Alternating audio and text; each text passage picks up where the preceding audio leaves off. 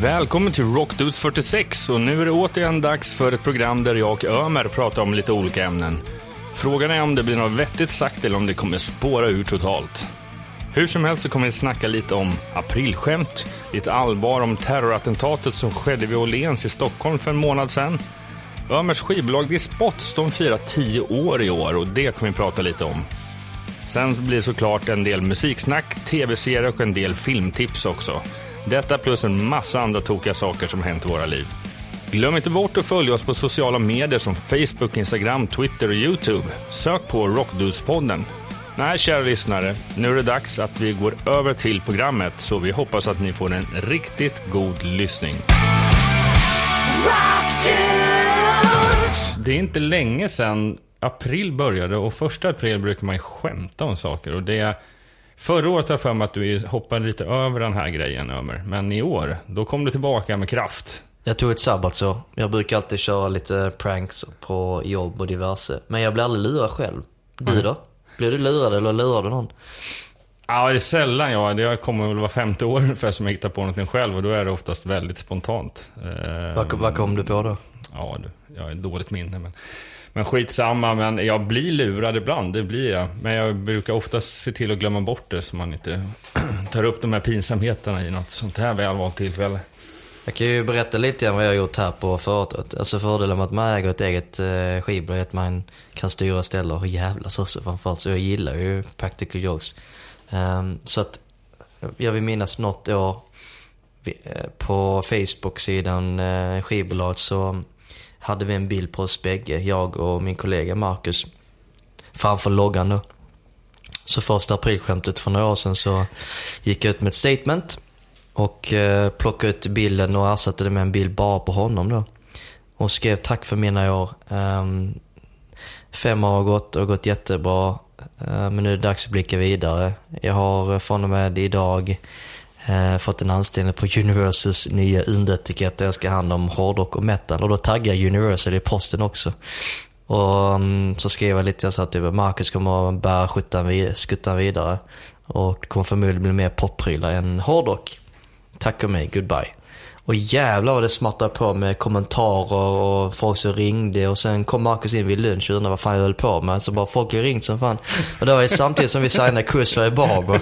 Så management eh, hörde av sig för att artisten var orolig och säger vad fan nu är precis signat, ska ni dumpa oss nu eller gå vidare? Så här, nej är ju första projekt. Men kommentaren då blir ju bara så här, Grattis! Fick till och med några messengers där folk eh, frågade typ, lyssna in på mitt nya band, kanske vara något typ av nya. Alltså folk ser till sina egna intressen, vilket är rätt kul. Ja, de är så kortsikt, eller vad säger man? Um, ja, de ser, de ser inte igenom hela det här om att, att det kommer vara ett skämt, utan de ser det är ju så med alla inlägg, oavsett om det är ett aprilskämt eller inte. Ja. Ser de någonting så är de direkt där och grattar. men det spårar lite grann, så mm. jag vet inte hur många kommentarer det var, typ 30-40. Men halvvägs in då så hörde min engelska distributör, så Gavin, och bara skrev, varför har du inte sagt någonting? Så bara skrev jag tillbaka, du, var lugn Gavin.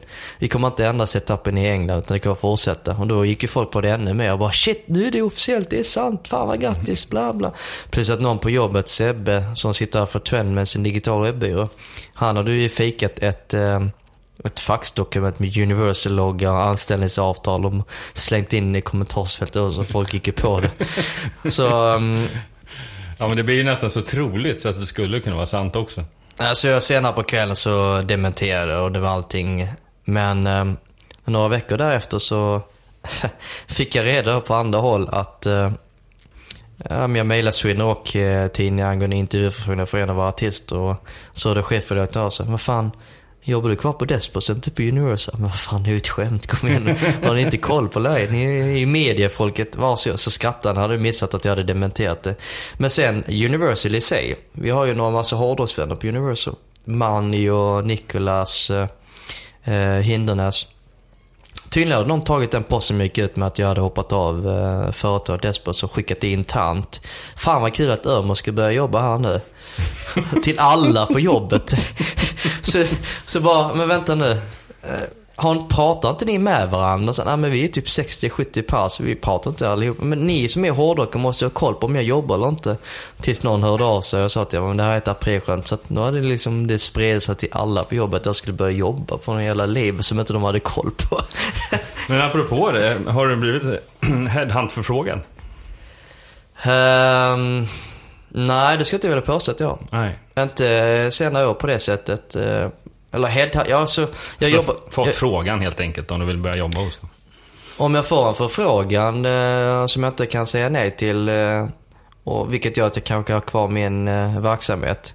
Eh, så är inte jag sen med att hoppa in i ett skivbolag som med utmaningar, men då måste det vara något riktigt, riktigt bra där jag känner typ jag kan tillföra någonting. Annars eh, trivs jag rätt bra som det är med att styra ställa och se det här företaget växa.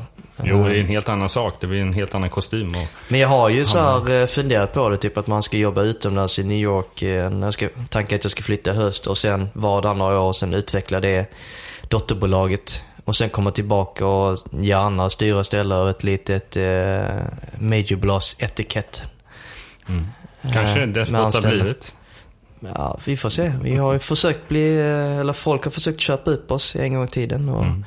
resulterade att det inte blev någonting. eh, Men det handlar om att vi sa nej. För att vi eh, var inte ute efter eh, snabb cash utan eh, framförallt smarta pengar som det heter. Något som kan tillföra något utöver pengarna då. Mm. Väntar man in lite grann så kan man nu eh, tjäna en hel del. Men ingen av oss har ambition att sluta i förtid. Mm. Utan det är nu det börjar gå bra senaste åren.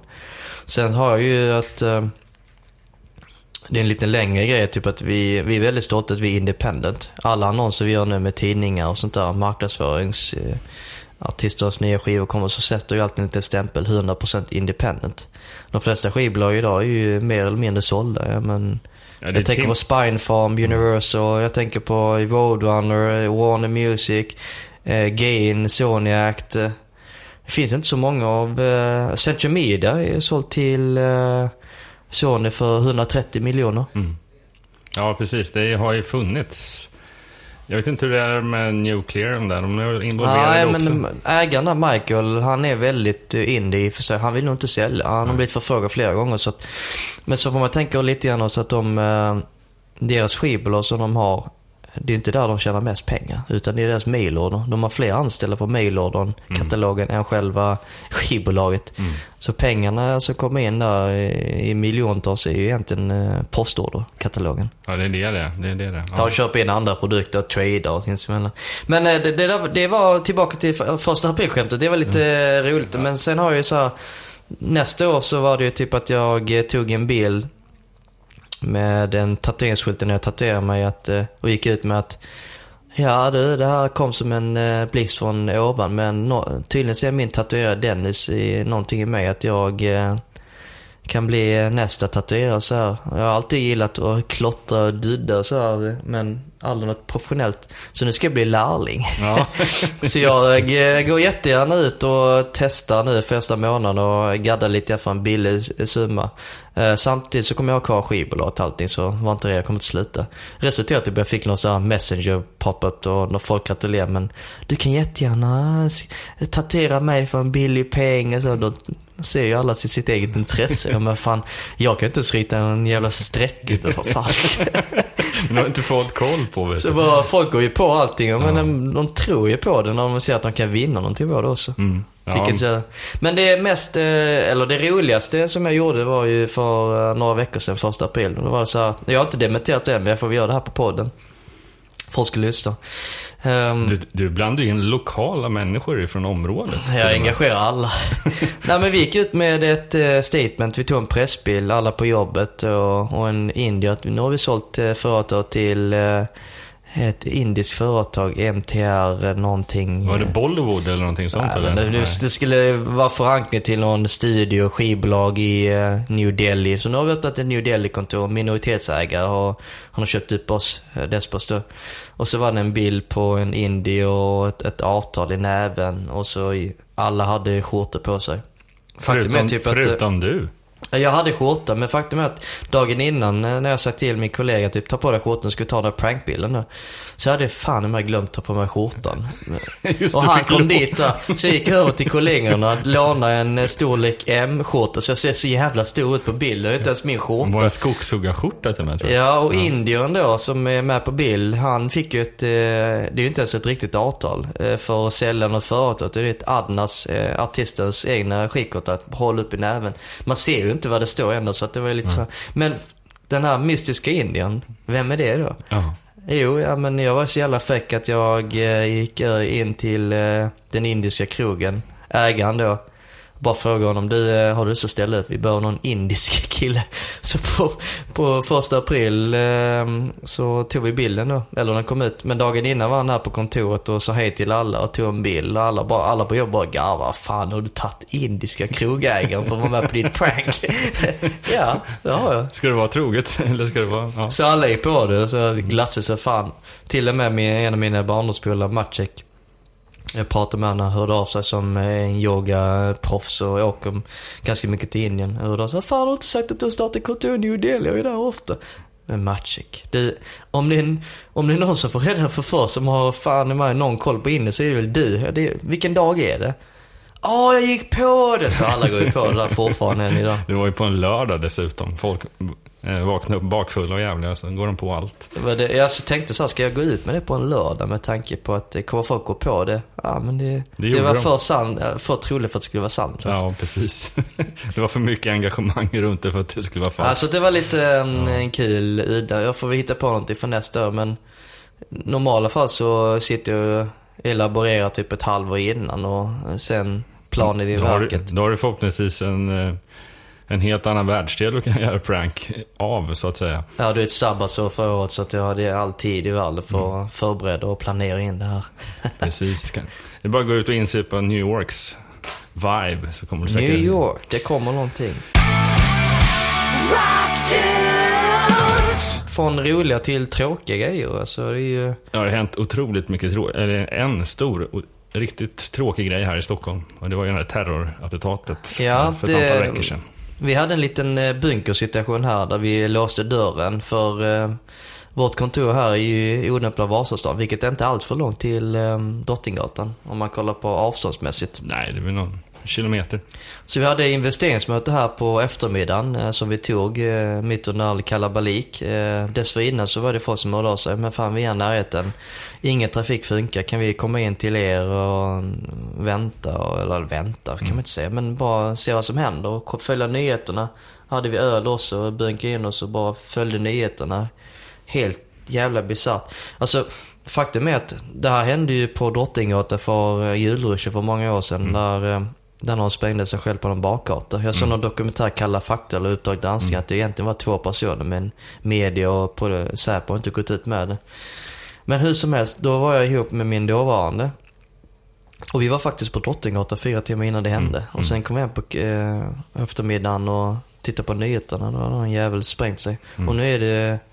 Fan, man ska nog hålla sig undan från eh, Drottninggatan framöver eller diverse andra. Ja, jag kände lite Public så, place. faktiskt när jag skulle på ett möte eh, måndagen efter eh, fredagen där.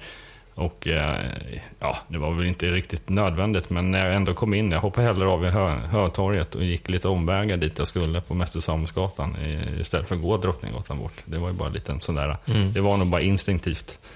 Men det var ju många som var, ja, det är klart att det var ett, ett, ett antal människor som dog, men det var ju många berörda människor som var där, liksom, som hann att hoppa undan eller var i närheten eller har precis gått. Alltså det är många som har stories runt om vad, vad de gjorde runt den tidpunkten. Alla blir berörda på ett eller annat sätt. Alltså, dels eh, givetvis de skadade och anhöriga, men om tänker man efter så är det ju helt bisarrt att Ja. jag har sett lite klipp på nätet inifrån butiken, hög hastighet och den här lastbilen bara kör sig igenom. Och det var ju någon på Spotify som var någon människa som eh, var britt, eh, som var en av de omkomna tyvärr. Alltså, Mm. tråkigt. Ja, otroligt tråkigt. Alltså nu nu är det ju tråkigt att eh, alla de andra också, men att det påverkar oss också lite till viss del. Mm. Tror man inte, om man inte känner personen i fråga. Nej, Nej, det är ett svårt problem det där när det är enstaka människor som gör sådana där dåd. De är otroligt svåra att göra någonting åt. Eh, det är skillnad om det är nätverk och mycket människor inblandade. Det kan ju väl Säpo och andra eh, ja, organisationer få bukt på. Liksom. Men eh, just det där när en enskild människa tar ett beslut om att ta en lastbil och sen köra på en gågata mitt inne i centrala Stockholm. Det, jag vill därmed ge lite beröm till poliskåren och säkerhet. Och, ja, det var helt snabba. otroligt. Det var otroligt tajt. Vad man hörde var att de har ju övat en del och de har övat några dagar innan.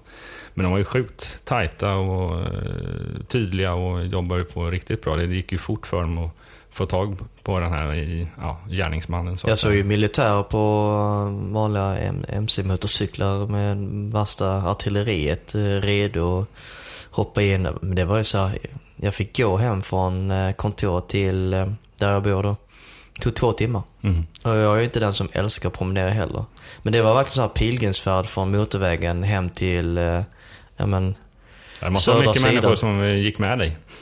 Vår anställd eh, kom hem till sist. Det tog fem timmar för henne. Mm. Fan, ja. det är kul arbetsdag. Då märker man att det är långa avstånd, även inom Stockholm. Ja, man tror ju inte det, men det är Ja, men det där vill man ju lägga sig bakom sig och hoppas inte sånt där händer igen. Men man ska inte vara rädd, utan um, livet uh, fortsätter uh, som det ska vara faktiskt. Så man ska inte ge sig vika till de här knäppskallarna och extremisterna som får för sig att man ska dela landet. Nej. Nej, vi går väl över till lite gladare tongångar igen här tycker jag. Och eh, vi har ju pratat lite om The Spots Och eh, det är ju så att ni firar tio år här. Jag har tioårsjubileum på Debaser strand här eh, om en, ja, i slutet på maj. 24, 24 maj. maj. Dagen innan Kristi himmelsfärds. Mm. Känns som jag har tappat all hår innan. Tio år är fan lång tid. Vad hände? ja, nej men jag försökte med hårextrakt och sen hjälpte inte det. Sen tappade jag fan allting och sen ge från de rika till de fattiga. Ja, men jag är bara lite hårstuva kvar. så en vips så startar du en indie-label, men... Ja, nej men... Ja. Alltså kom, när man väl startar. Kommer du ihåg hur du startade? Kommer ihåg, ihåg. Jag har ju dratt den här historien tusen gånger. Alltså egentligen är det bara ett rent bananskal. Mm. Um, om man kollar från tiden man började. Det här är inte första gången jag startade företaget, men jag fick lite sån nytändning att jag vill göra någonting annat och hade lärt mig en hel del. Så jag radade ihop två killar som jag kände, men de kände inte varandra. Sen startade vi en etikett för tio år sedan. Och sen bara flöt det på vidare. De första fem åren var ju kämpigt och man ska få rätt sida på skiten och tjäna pengar så att artisten tjänar pengar också och gärna få en liten slant till sig själv. Men um, har man någorlunda driv och eh, en setup som funkar så är det bara att fortsätta på det. Jag brukar säga att typ en artist som lyckas idag behöver minimum 10 000 timmar mm. i sin repertoar för att kunna förfinas i en uh, artistkarriär. Det är som alla andra det är som alla andra grejer. Man ska göra sina 10 000 timmar. Ja, det kan man nog applicera i alla företag. Mm. Övning är färdigheter, men sen är det massa kontakter och pengar. Allting är en jävla sifferlek i princip. Eh, vår utmaning är egentligen att eh, hålla maskinen till rullning. Mm. Ha så pass stora eh, release och artister så att eh, eh, det i sin tur kan eh, sjösätta de här mindre banden mm. tills de får gå på sina fötter igen. Du vet ju själv, driva tidning, det tar ju sin tid liksom. Absolut, det gör det. Eh, lite nyfiken där, men tio år i skivbranschen, det har ju hänt en del under de här tio åren. Har även eran så kallade grundsetup förändrats under de här åren? Ja, jag tänka lite grann. Typ att vi började innan Spotify fanns. Så alla mm. de jag har sett den utvecklingen. Eh, men sen är det andra i musikbranschen som har funnits sedan 80, 80-talet. Och de har ju sett alla glansdagar från kassett till CD, till, eh, till vinyl, till streaming. Så att det är fortfarande i förändring. Mm. Men jag ska säga att vi lever i en hälsosam bransch. Ehm, siffrorna pekar uppåt. Ehm, och streaming är ju det nya formatet för att inte äga musik, utan snarare hyra musik. Mm. Ja, nu, är, nu är det ju fortfarande vinyl och CD som säljs, men det är inte alls i den och, omsättningen som det var förut. Nej, inte som det var på 80 och 90-tal, eller början på 90-talet. Det var ju... Satt och tänkte på Carola som var ett hushållsnamn. Det var flera miljoner som hade hennes skiva liksom. Mm. Du är inte en jävel som bryr sig om det. Eller till viss del gör det, men den äldre generationen eh, streamar kanske inte och köper lite CD-skivor. Sen tänkte jag så här, vad fan, datorn man köper idag, ingen av dem är en CD-bärare och inte heller. Nej, så det blir ju streaming eller att man köper musiken på uh, iTunes eller liknande tjänster som Amazon och sånt liksom. Så att... Jag har, mark- jag kollar lite grann på Netflix uh, och diverse angående uh, tv-serier, pickers och folk som letar efter gamla prylar som de säljer på YouTube också. Och faktum är att de här gamla vinylspelarna som man inte brydde sig om då är väldigt eftertraktade idag. Ja, man letar så gamla Philips-vinyler, man vill ha den här looken och mm. den här nålen. Och, så de har ju fan de har gått upp i pris skitmycket. Det gamla prylar trodde man inte. Nej, det är det där tillgång och efterfrågan. Det tillverkas väl inte på samma sätt. Och vill du ha den där som var bra då, då det finns ju nästan bara som retroprylar på andrahandsmarknaden. Och du kan ju sätta vilka priser som, som du vill. Ja, men till och med VHS-spelare är inne mm. nu också. Alltså, ja det har jag nog helt missat det, faktiskt. Nej men typ att det är kassettband, VHS-filmer mm. eller att man vill ha något i hyllan. Ska se snyggt ut, det är häftigt. Omslaget, 80-talet. Mm. Men faktum är att ska man se filmen så är det skitdålig kvalitet Ja, ja. Det, det så fladdrar där uppe. Men det, kan, det, är inte det det handlar om. Det är mer att man har det som en möbel. VHS-spelaren kanske. Likaså när kidsen idag köper en vinyl alla har ingen vinylspelning, mer för att det är schysst att ha. Och men jag lyssnar på Spotify, ja, men jag har i väggen. lyssnar om det där istället. Sen kan sitta ändå och läsa på konvolutet liksom. Det är helt märkligt, sånt där först gick inte förut. Nu är det så att vi har display på vinyler, men vi har ju ändå en vinylspelare. Precis. Har ni tänkt tanken på att bara sälja konvolut? Nej, men vi har funderat att sälja artwork, där vi mm. lägger eh, schyssta print och limiterat och signerat av själva fotografen eller den som gjorde omslaget. Mm. Det har vi funderat på i de banorna. Men vi har inte riktigt kommit där än för att eh, vi testar fortfarande vissa grejer. Men vi däremot har faktiskt börjat jag ska inte säga investera i konst för det är helt fel. Men vi gjorde en liten special. Vi köpte ju faktiskt Corrodes eh, omslaget från Thomas Lacke-konstnären. Med ram och allting. Mm. Eh, för en ganska dyr peng. Eh, och när vi fick den till kontoret så var den så jävla stor så jag satt och funderade på vad fan vi ska ha den. Nu är det bara jag som ser den framför mitt bord. Ingen annan ser den men den är otroligt eh, snygg och vacker och alla våra artister vill ju ska breaka och KD går det mig veterligen väldigt bra för plattan precis kommit ut. Men då kände jag så här typ att, men fan vi stöttar bandet. Istället för att den ska ligga, och vara hos någon privat samlare för att den ska öka i värde så har vi det på vårt skivbolag där alla kan komma och njuta av det. Mm. Ja, det var jättebra. Nej, men det, det föds, måste ju födas massa eh, nya idéer om hur man ska kunna tjäna mer pengar eh, på olika saker. Så då kan det ju vara olika konst, artworks och sånt där. Alltså man, man kommer inte ifrån det. Alla vill fortfarande äga någonting i form av eh, tavlor till CD, men man kan inte nyttja det på samma sätt som man gjorde förut. Nej, för, det var bara mer precis det jag tänkte på. Det, att alla som köper vinyl har ingen vinylspelare, men de vill gärna ha konvoluter för att det är, en vinylkonvolut är stort. Så att du kan läsa det utan eh, förstoringsglas, som det är på CD-konvoluten. Liksom. Så att det är väl... Eh, jag skulle nästan ibland kunna tänkt mig, nu har jag en vinylspelare så jag kan gärna lyssna på det också, men eh, annars skulle man ju bara kunna köpa artworket i sig för att få berättelsen och alltihopa och texterna och sånt där om man vill ha det. Människan gillar att samla prylar. Ja, ja. Alltså, nu kan det vara allt möjligt man samlar. Så, men jag samlar å andra sidan inte på materiella ting utan mer eh, nöjen och minnen. Ja, det är lite mer bestående i sin eget huvud så att säga. Så jag håller med. Jag har väl varit, jag har ärvt den betingelsen av att eh, samla på saker. Men numera så blir det just den här årstiden med våren och vårstädning. Alltså då tittar man igenom sina förråd och sådana grejer och kastar det som man faktiskt inte ens har tittat på på flera år. Liksom. Det, nej, har inget, har inget djupt affektionsvärde, då, då åker det till soptippen. Alltså. Jag tror det har lite med åldern också. Förut var jag så här jätteintresserad av att samla CD-skivor, alltså artisternas diskografi. Fanns det ett år skulle jag fylla det. Så hade jag eh, jättehäftiga fester i Helsingborg.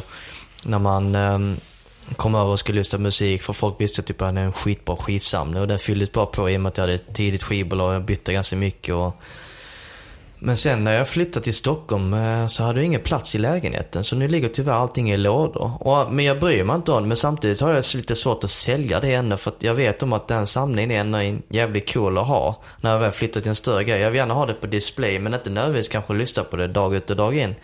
För en del av de här um, skivorna i sig finns ju inte utgångna på Spotify. Det är så små Nej. skivbolag. Eh, grupper som aldrig var stora. Men som ändå hade sin lilla nisch till 1000 CDs eller 500 CD. Men ändå skitbra musik. Det kan jag sakna lite grann att lyssna på faktiskt. Men det är bara en tidsfråga. Men efter 30 så har jag ju fan mig velat lägga pengarna på bara resor och mm. träffa människor. För jag uppskattar livet eh, mer än vi gjorde förut. I det, alltså med tanke på att man har blivit ganska påverkad om vi går tillbaka till terrorgrejen och folk i ens närhet, de äldre går bort. Eller till och med i min egen ålder. Och folk har liksom eh, ens nära vänner har gått bort. Och det, alltså, då tänker man lite grann hur skört livet är ändå. Och jag tar alltid en dag i taget. Jag har inte ens en pension. Jag är totalt ointresserad av att samla på pengar eller eh, ha en pension. Eh, kanske inte ens blir 65 eller 68 när jag ska pensionera mig. Men det är löst på det sättet ändå. Föräldrar är alltid lite nojiga över att, men hur ska du klara det? Men jag har ju företag, jag tjänar ändå okej okay, liksom.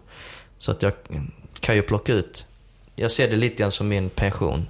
Ja, jo precis. Du kanske en, en dag säljer av det till tillräckligt höga pengar så det blir din pension ändå. Men sen ger jag ju, donerar jag ju pengar. Vi försöker göra ganska mycket här på företaget också. Mm. Musikhjälpen älskar vi för att vi vet ju om att eh, Sveriges Radio eh, behåller inte så himla mycket till sina administrativa kostnader utan ger bort ganska mycket. Eh, så att det favorerar vi och hjälper till och till och med köper ibland lite prylar eller, eller aktionerar.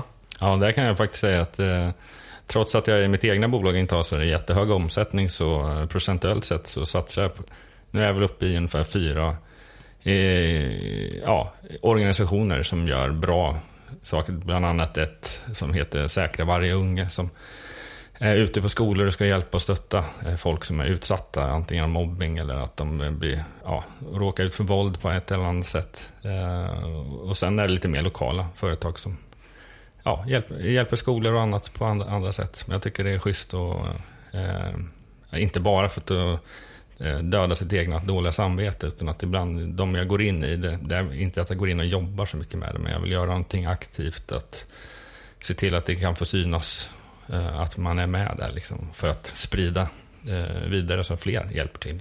Alltså eh, karma är ju en jävligt häftig grej, men man, man kan tänka också på att man behöver inte ge hjälp i form av pengar. Utan det kan vara av kunskap också. Oh ja. Jag eh, har ju haft de här banorna och jag tänkte ta, ta i akt och säga det att eh, jag har ju sitter på en del kunskap och eh, även om det är lite mossig och tråkig sådan, sådan musik så det skulle vara kul att vara mentor åt någon. Så om det finns någon där ute som känner sig att de är intresserade så nu har jag ju lite ont om tid så att det får bara vara en person. Men om det är någon som är intresserad av att ha mentorskap i form av det jag sysslar med eller kanske till och med Jonas om ja. du vill vara det så tveka inte att höra av er. Så hjälper vi gärna till. Mm, absolut. Det blir lite som en audition fast vi vill väl men vi klarar max av med en person. Så om det är någon som känner suget och är intresserad, hör gärna av er. Mm.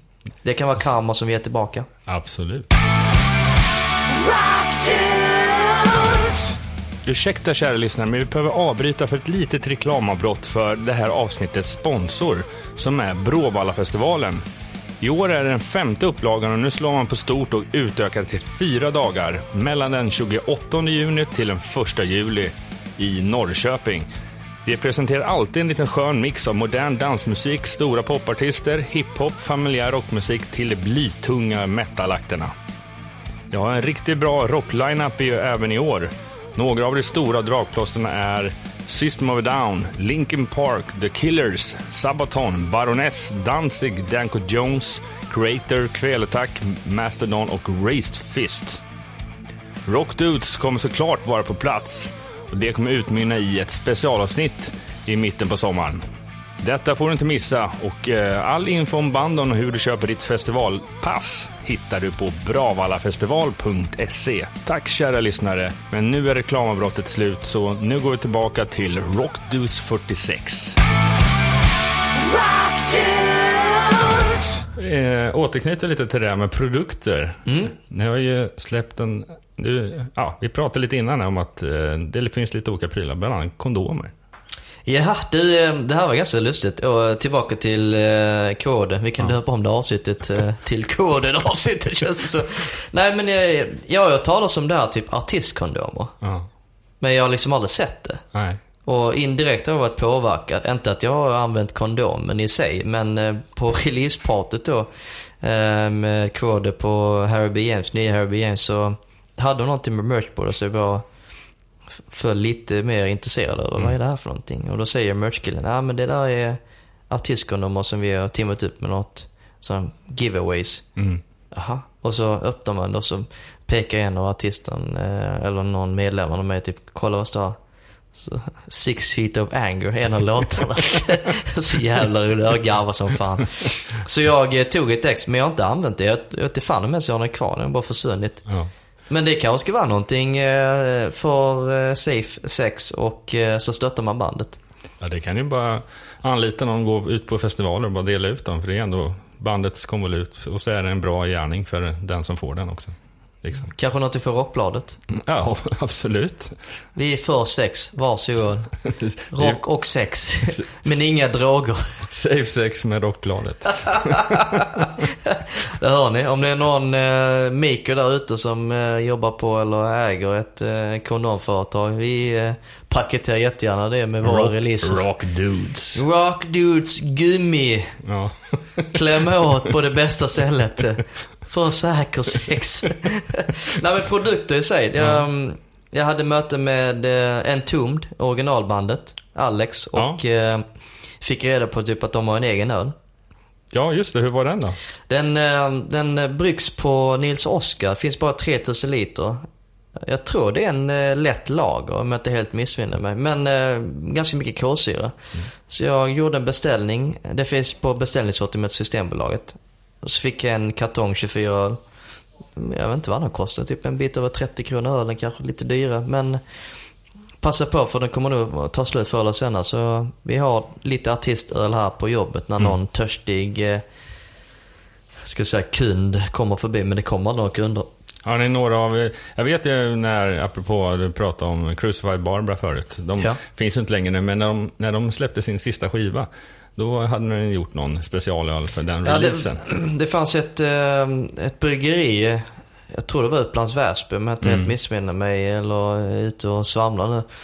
Eh, Så hette de Heavy Metal Ale. Ja. Och de gjorde en Crucial Barbel där vi i skivbolag fick välja en, eh, vi fick smaktesta då. Ja, Ettan, tvåan, trean, vilken som skulle bli den slutfärdiga produkten. ja.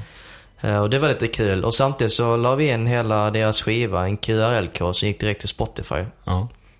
Eh, populärt. De tjänar väl några kronor per såld eh, flaska. I en tonfallet så är det ju ingen eh, licens utan de, de hyr befintliga tankar på Nils Oskar och brygger det där och så har de det egna receptet och de står för allt. Mm. Så då får de mer pengar tillbaka. Ja, flaska. fast jag ska säga det, folk som vill in i ölbranschen, det är otroligt svårt att få ruljans på det. det är, vi snackar om att man ska upp i volym för att kunna få någon ekonomi i det. Ja, nej men... Jag gjorde ju en intervju här med ehm, eh, ex-trummisen från eh, In Flames. Eh, Daniel heter han va? Mm.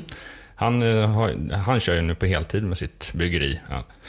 Och eh, det har ju mest sålts just i hans hemtrakter. Men nu har man sett att han ändå börjat forcera marknadsföringsmässigt och fått in det på, på tapp tror jag. I, på någon eller ett par krogar här i stan. Men det, det är en annan liten nisch. Det är inte typ att deras öl är sån mikrobryggeriöl, Ja. vilket är typ per flaska. Den är ganska dyr ändå. Ja, jag tror det. Eh, det. Det är också beställningssortiment, men förut kunde man ju bara beställa det till Kungälv eller vad det nu var. Eh, Men nu tror jag att vi, ju fler människor som beställer och vill ha det till sin hemort. Så nu finns det faktiskt Systembolaget i Täby till exempel som har Jaha. tagit in det så man kan leverera dem dit. Det är en liten nischad marknad. Antingen Ja. går man på volym, Mariestad, 9 kronor burken eller Mm. vad fan det är. Eller så tar man lite nischade, eh, precis som en tum-grejen som man tjänar några kronor på men kanske inte lika mycket. Men å andra sidan blir man av med allting. Mm. För att det är så pass efterfrågat och eftertraktat.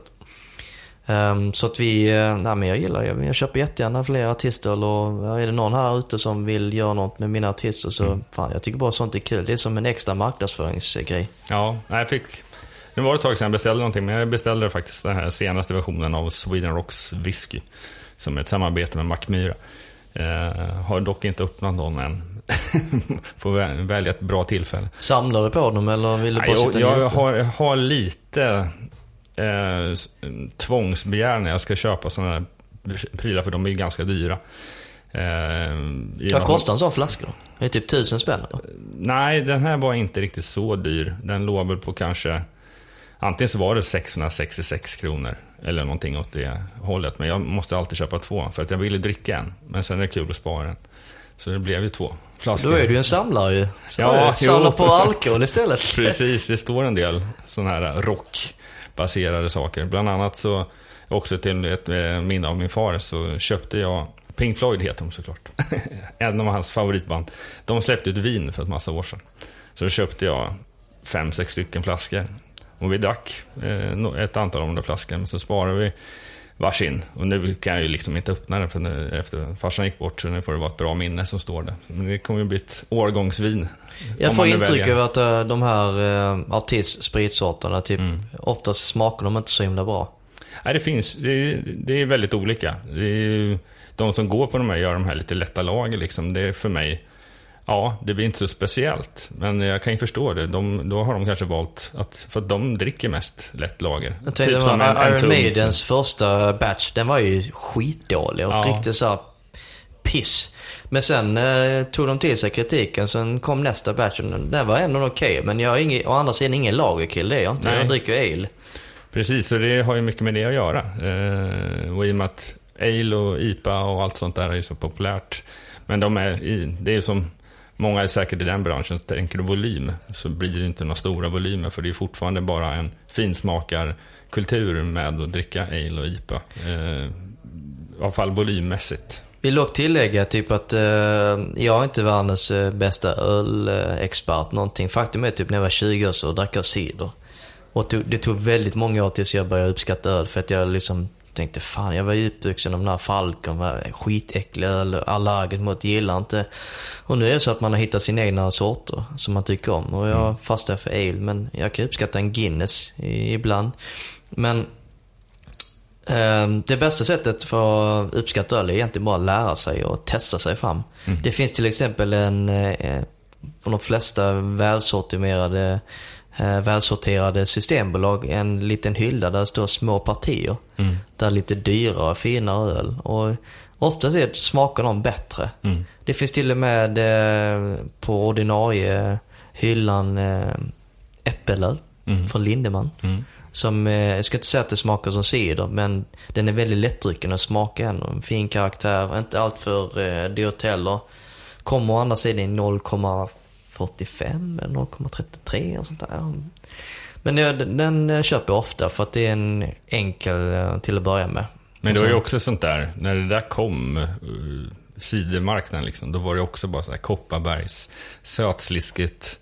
Möjligtvis, eh, om man provade lite tidigare så fanns det de här Astrakanen, där, den var lite mer torrare och alltså påminner lite mer om bubblande vin liksom.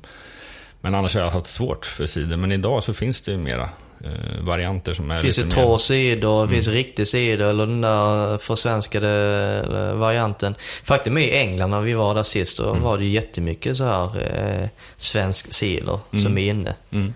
Man, Men cider var ju ändå...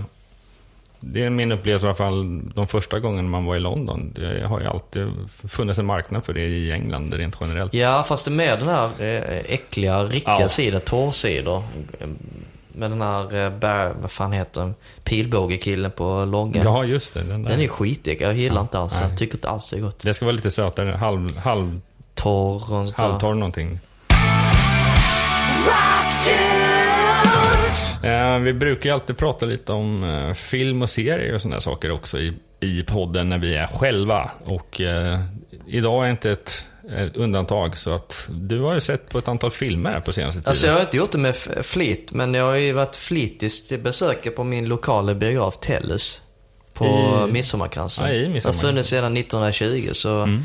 jag har varit på dates och sett på skumma finska filmer, en boxare till eh, alla möjliga. Men jag såg en film som jag vill lyfta upp lite extra, en dokumentärfilm, Citizen Shane. Vad handlar det om? Den handlar om en immigrantkille som kommer till Sverige och startar Filminstitutet. Mhm. Och eh, han var ju i, i och för sig en despot. Ja, Precis som oss despots. Uh, nej men han var lite egen och jag är stort film i, jag har stort filmintresse så att det var ju perfekt att snöa in sig och kolla in. Det kan jag rekommendera. Mm. Citizens Shane, hur eh, svensk filmbransch har utvecklat sig i decennium. Mm. Sen har jag sett den här eh, snabba regissören Daniel Espinosas nya film Life med eh, Rebecca Ferguson, Ryan Reynolds och eh, Jake Gyllenhammar. Är det en helt ny typ av film? Helt ny går på bio fortfarande. Um, en liten alien eh, mikroorganism som eh, ställer till fanskap i... Men är det en Hollywoodfilm? Ja, det är en stor Hollywood-film. Och jag är lite imponerad av att... Det var lika så här, han är också en sån här immigrantkille. Jag vet inte var Daniel Espinosa kommer ifrån, men eh, han är inte, han är inte född i Sverige utan... Nej. Ja, men han har ju kämpat sig och sen gjort snabba crack och sen fått flera större roller. Och nu är han världskändisregissör i Hollywood. Ja. Alltså man kan om man verkligen vill. Ingenting är omöjligt. Jag tänker som... Det är lite med de som har varit med i Snabba Cash också. Eh, huvudrollsinnehavaren Joel Kinnaman.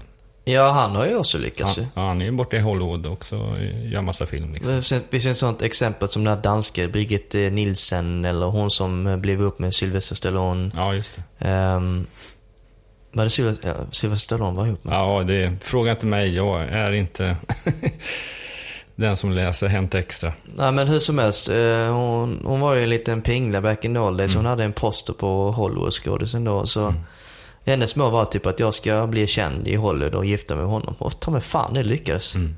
Ja, det Gick hela vägen. Mm. Fast det är... Ja, Sverige har ju, eh, har ju alltid haft skådespelare och annat som har lyckats borta i Hollywood, men det har ändå varit ett litet glapp. Men nu är det, finns det ju många.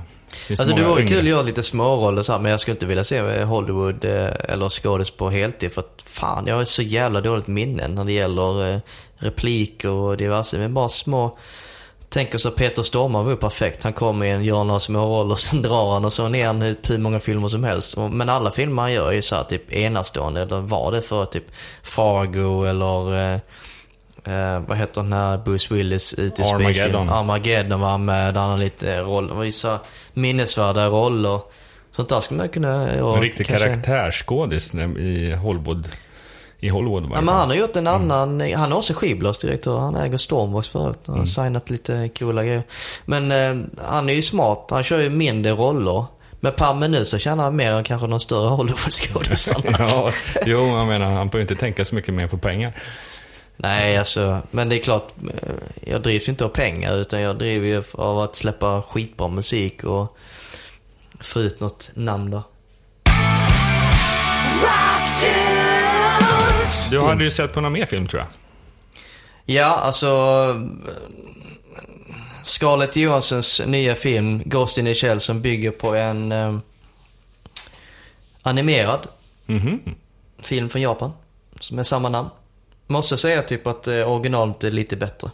Det är så? Men eh, Scarlett Johansson är förbannat snygg och eh, jag har en liten rolig eh, historia där. Jag- Jag vill inte gå in för mycket på filmen. Men den är, den är svinbra. Eh, Se den. Eh, man blir lite eh, förvirrad eller fundersam. Man tror man måste se den flera gånger. Men den, har man inte sett original så är det här en bra fingervisning. Eh, vad originalet har att erbjuda. Mm. Och ett plus för eh, musiken. Jo, för följegrejen för den här filmen då, det är att eh, jag har faktiskt träffat en tjej i Balkan för många år sedan som var en lookalike till Scarlett Johansson. Så du trodde, så det är den närmsta dejt du kommer vara med Scarlett? Ja, närmaste ligg rättare sagt. Till och med det. Så en liten fjäder i hatten att eh, det var så nära jag kom. Och alltså jag skojar inte, hon såg exakt ut som eh, henne. Faktum är typ att hon var lite välbärgad då så.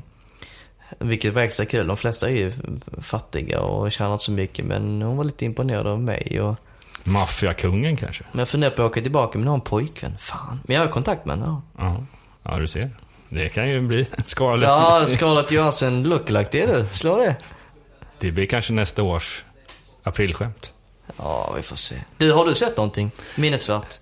minnesvärt och minnesvärt. Serier. Men, men jag har ju blivit sån jäkla serietorsk på sista tiden så att... Eh, Har du tid att se något? egentligen inte. Men eh, de, jag följer, som jag har sagt många gånger förut, de här The Americans och, och några andra serier. Men de kommer ju ett avsnitt i veckan, så det finns ju lite mer tid. Och så var det bara några som bara...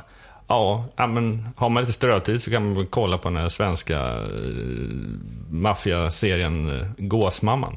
Du, på tal om eh, Gåsmamman.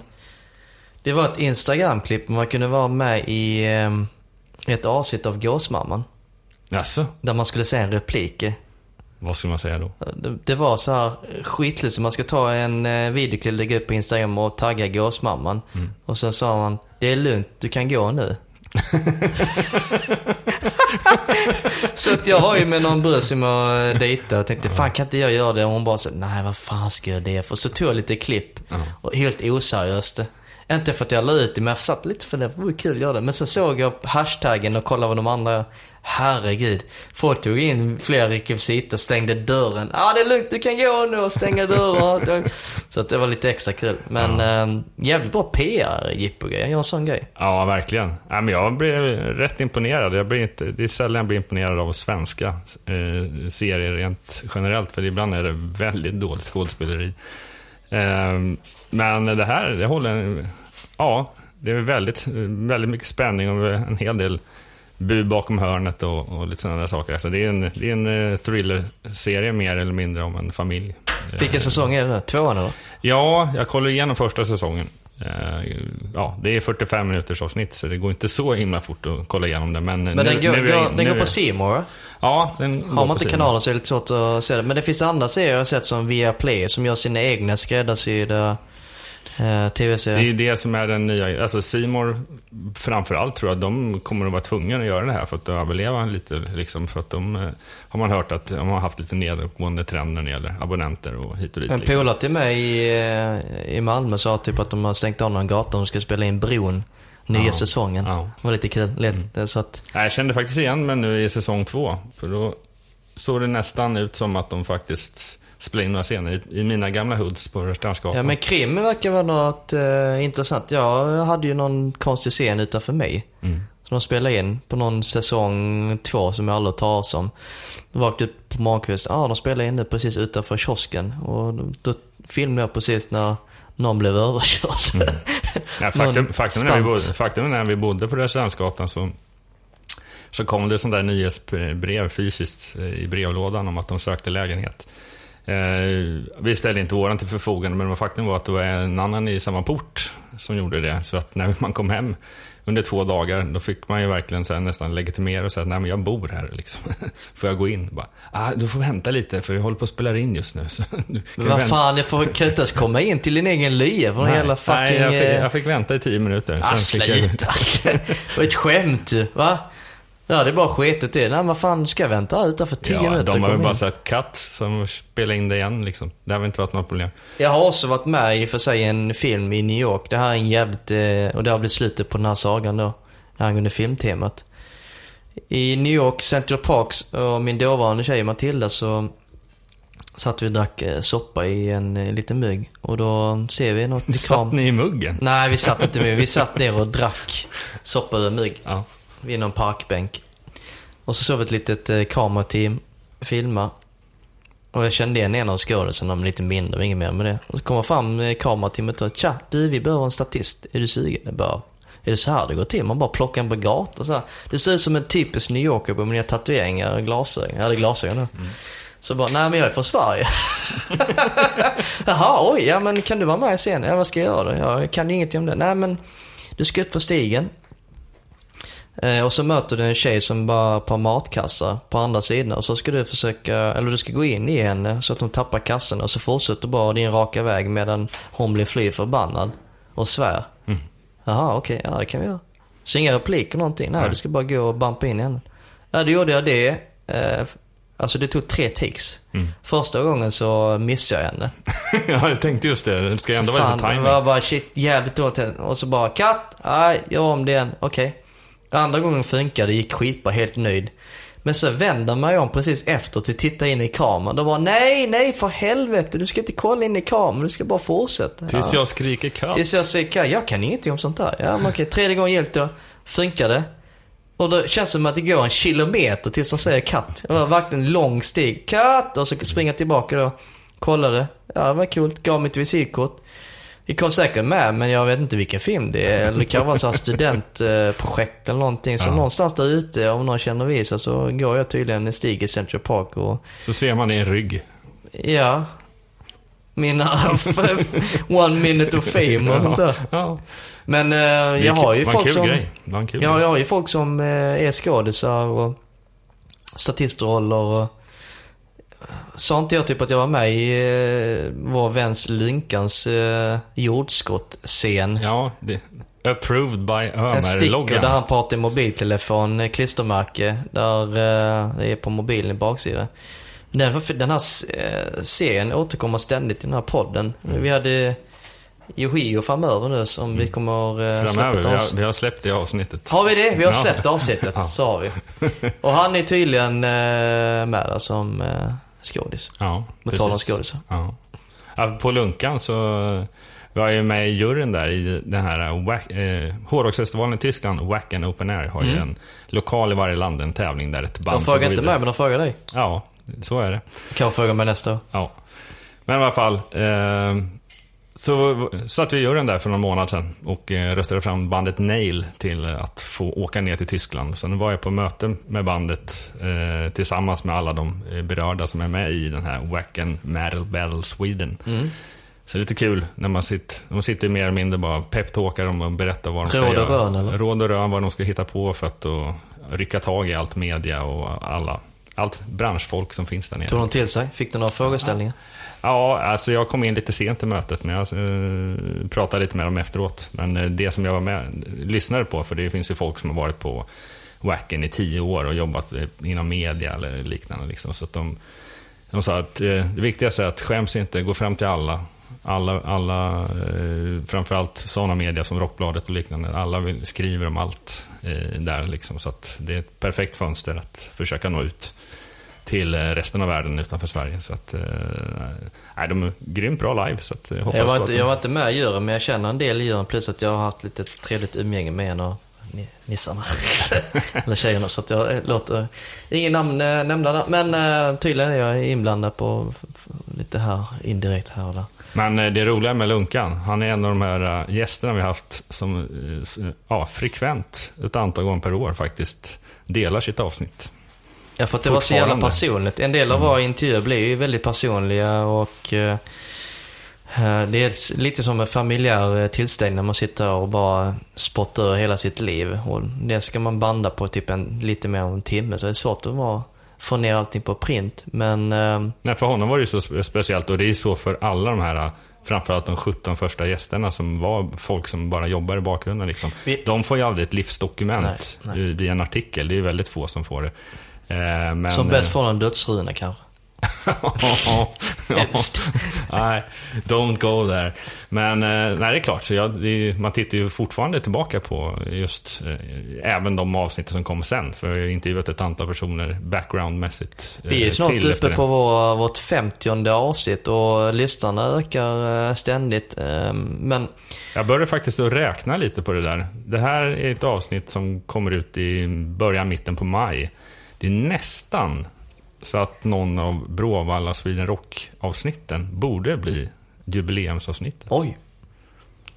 Alltså, det handlar om eh, bra kvalitativa innehåll, inte kvantitet. Så framöver har vi lite intressanta gäster som kommer. Eh, den här veckpodden, Rockdudes. Eh, det är vi som intervjuar lite lustiga galejfigurer. Vi försöker ändå göra, var, att vara en intervjupodd med en twist liksom. Att vi ställer inte bara... En humoristisk podd framförallt. Ja, jag börjar nästan säga, ska man säga som en slogan, så är det Sveriges ja, mest twistade, eller roligaste, Sveriges roligaste intervjupodd. Så skulle man kunna säga. Det kan man säga. Ja. Vi kommer få lite roliga t-shirts och hoodiesar. Vi är väldigt dåliga på att ta fram merch. Nya design i alla fall, men det kommer. Och... ehm, Vi kan i alla fall tipsa att eh, Ja. antingen via Facebook eller hemsidan så kan ni klicka er vidare till vår webbshop. Allt vi tjänar i form av sponsorer och merch går tillbaka i den här produktionen, vilket gör att vi kan ha lite flera intressanta gäster. Mm. Eller till och med eh, flyga hem dem eller åka tåg, beroende på var de befinner sig i Sverige. Så att eh, det går Eller- tillbaka i den här produktionen. Eller för oss att ta oss dit, Det är med. helt enkelt.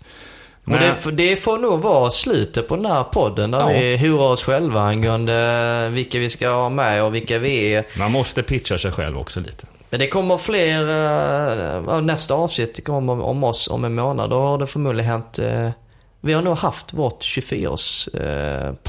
Mm. 10-årsjubileum. Kan vi berätta mer alla skandaler som väntar? Vilka som låg med vilka, vilka nya band som kom efter det, vilka band som upplöstes. Det jag menar, det är vilka han kommer ligga med under kvällen. Men vad fan. Nej!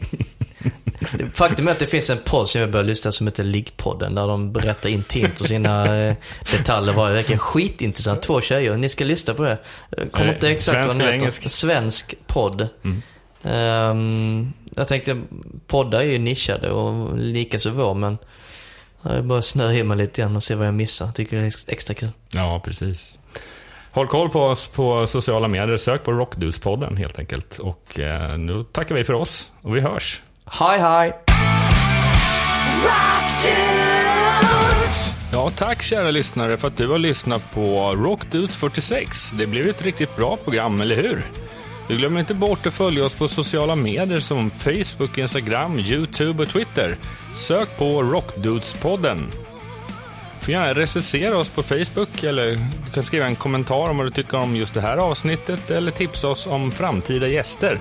Du finner också all information på vår hemsida rockdudes.se. Vi vill tacka vår sponsor Bråvallafestivalen. Den kan du besöka mellan den 28 juni till den 1 juli nere i Norrköping. Du finner all information på bravallafestival.se. Vignettmusiken är inspelad av Jonas Hermansson, Peter Månsson och Mia Coolhart. Programmet spelas in och redigeras av Jonas Löv. Nästa avsnitt, Rockdus 47, kommer inom kort och det avsnittet gästas av ingen mindre än Stone Sour-gitarristen Josh Rand. Ett otroligt bra och roligt avsnitt. Det är ju bland annat aktuella med en ny skiva, Hydrogad, som släpps den 30 juni. Fram tills dess, rock on! Rock